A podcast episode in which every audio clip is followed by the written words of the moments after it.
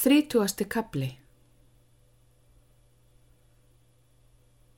Sjönda sunnudag í sumri messaði sér að sveitn heima á grund. Menn komu fjölmett til tíða í fögru vorveðrinu. Fosshjónin komu með börnin. Grói fýsti til að fá færi að sjá germund og þurriði saman. Líkurnar voru nokkrar að það geti hefnast þennan dag.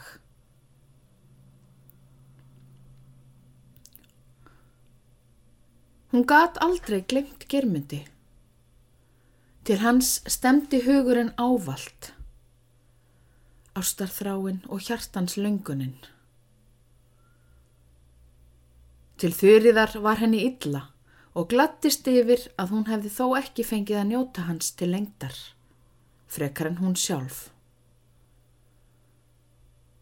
Það var heimskuleg von, það fann hún ofur vel.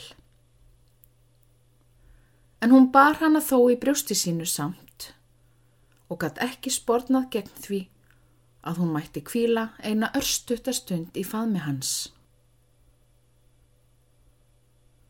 Njóta augnablikkssælunar við hjarta þessa manns sem hún hefði unnað lang heitast allra. Gróa hafði strax trúað að Geirmundur væri Jósteinsson. Annars hefði hann aldrei látið af sínu máli og þau aldrei slitið sundur ást sína. Nú var henni ættarbræðið full ljóst það sem áður hafði svipað fyrir, varð að óíkjandi sannindum. Gremjan og ástarþokkin börðust í brjósti hennar um germund. Og sæi hún hann, hvarf gremjan, en ástriðan tendraðist.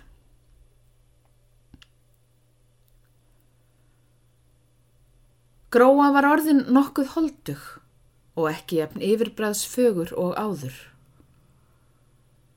Andlitið lífminna og kyrlegra. Einhver daladrungi og einveru deyfð kvíldi yfir henni. Sérstaklega bara á því heima. En enginn skildi trúa þeirri ró til fullnaðar. Glampin sem kom stundum í augun bar vottum að löngun til lífs og unað snöttna svæfi lausum svefni og geti vaknað þegar minnst varði.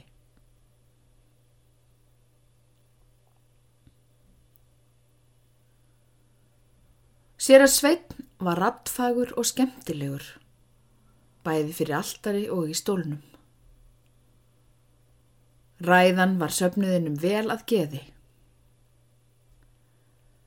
Marju var tíðlitið til prestsins og roðnaði í hvert sinn og augu hans kvörluðu yfir söpniðin og staðnæmdust hjá henni. Sér að Jósteinn satt fyrir stafni, næst alltarinu, dapurlegur og nýpinn. Germundur hafði sæti fyrir stafni, hinu megin alltaris og þó ekki næstur því. Hann var rauður og þrútin í andliti og kvassegari en fyrrum. Sá þurriði setja föla og framúrlega við hlið sýstur sinnar. Einu sinni hafði hún litið til hans ángur blíðum aðgætandi augum. Róðnaði og drúfti svo aftur höfðinu. Germundur þóldi ekki sitja kyrr alla messugerðina. Sorgin og útlitt þurriðar knúðu hann út úr kirkjunni og hann hugsaði að það myndi líða löngu áður en hann sæti innan um þennan söpnuð aftur.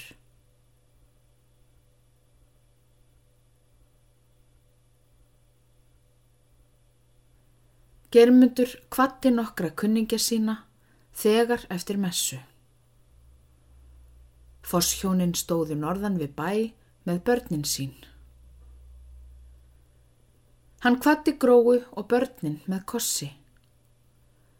Brá brandi á einmæli norður fyrir hlöðuna, tók fast í höndin á honum og mælti. Ég kveð hér fáa og byðst ekki friðar af neinum nema þér brandur.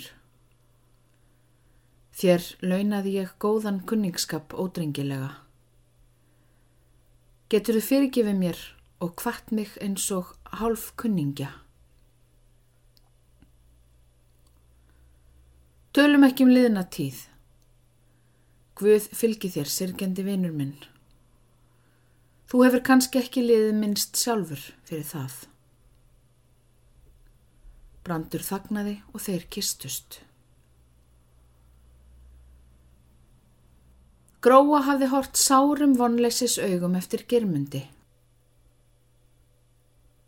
Snjólög satt grátandi norðanundir kirkjunni og guðrún í felli hjá henni. Hún hafði gengið á eftir henni þangað. Hún fann vel hver þungt móðurinni myndi að sjá bak germundi um lengri eða skemmri tíma og leitaðist við að hugga hana eftir megni. Sér að Jósteinn satt í hægjendastóli í húsi sínu og starði niður í vallinspredikanir. En sá engan staf. Tárin hrundu svo títt og fjallu í sífellu niður í opna bókina. Germundur hafði aldrei talað orð til hans síðan um veturinn og ekki hvart hann þó hann ætlaði burtu. Sama reyðileftrið var enn í augunum þegar þeir gengust hjá áðan og var í stofunni forðum. Þungur var krossinn. Þung sonarheftin og dóttur sorgin.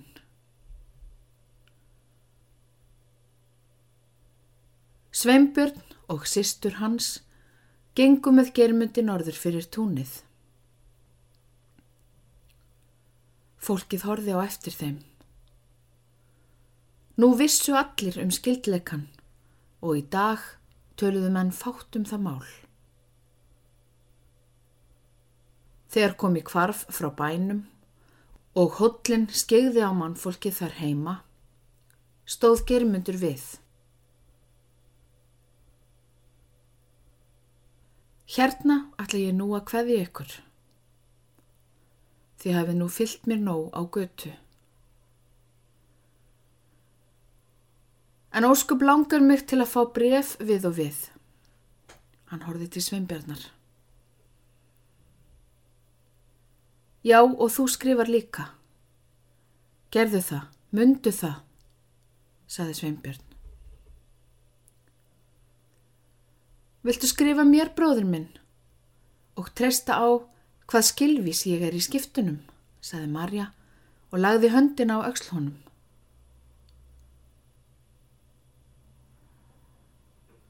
Mundu það þá, láttu það ekki gleymast fyrir öðru sem kemur oftar og ljúflegar í hugan.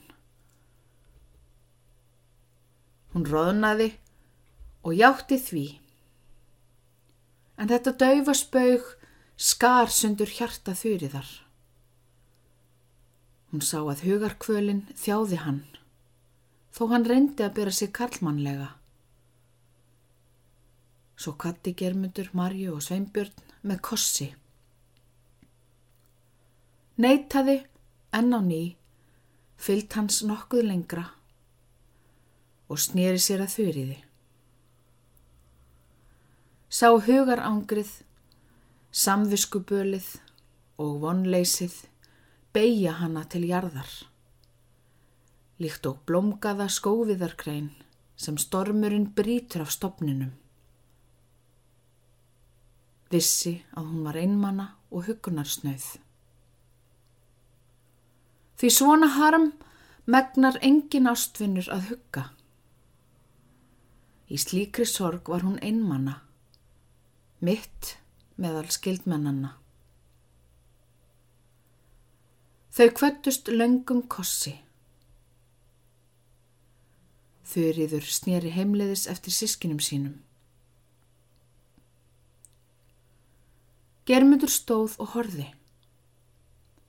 Sá snöggadrætti kippa henni til. Höfuðið nýga niður.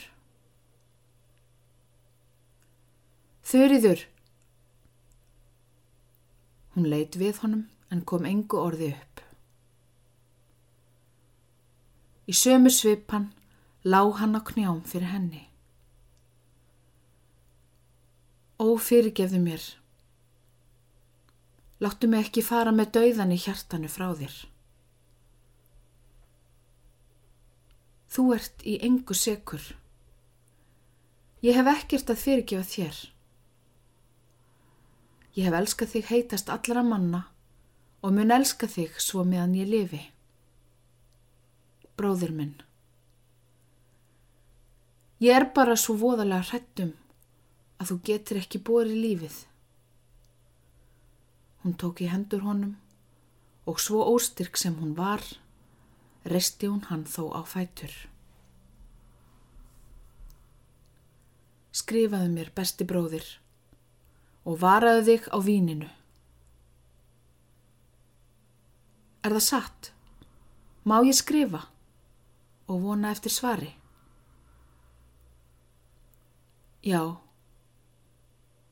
Sama bjarta hughristningar tillitinu brá fyrir sem svo oft hafði áður svalað sálu hans og veitt honum styrkin.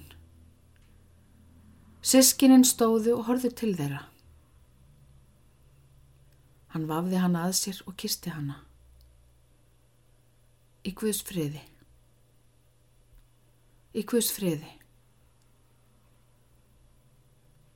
Sískininn leittu þurriði millir sín heimleiðis. Germundur stökka bakk.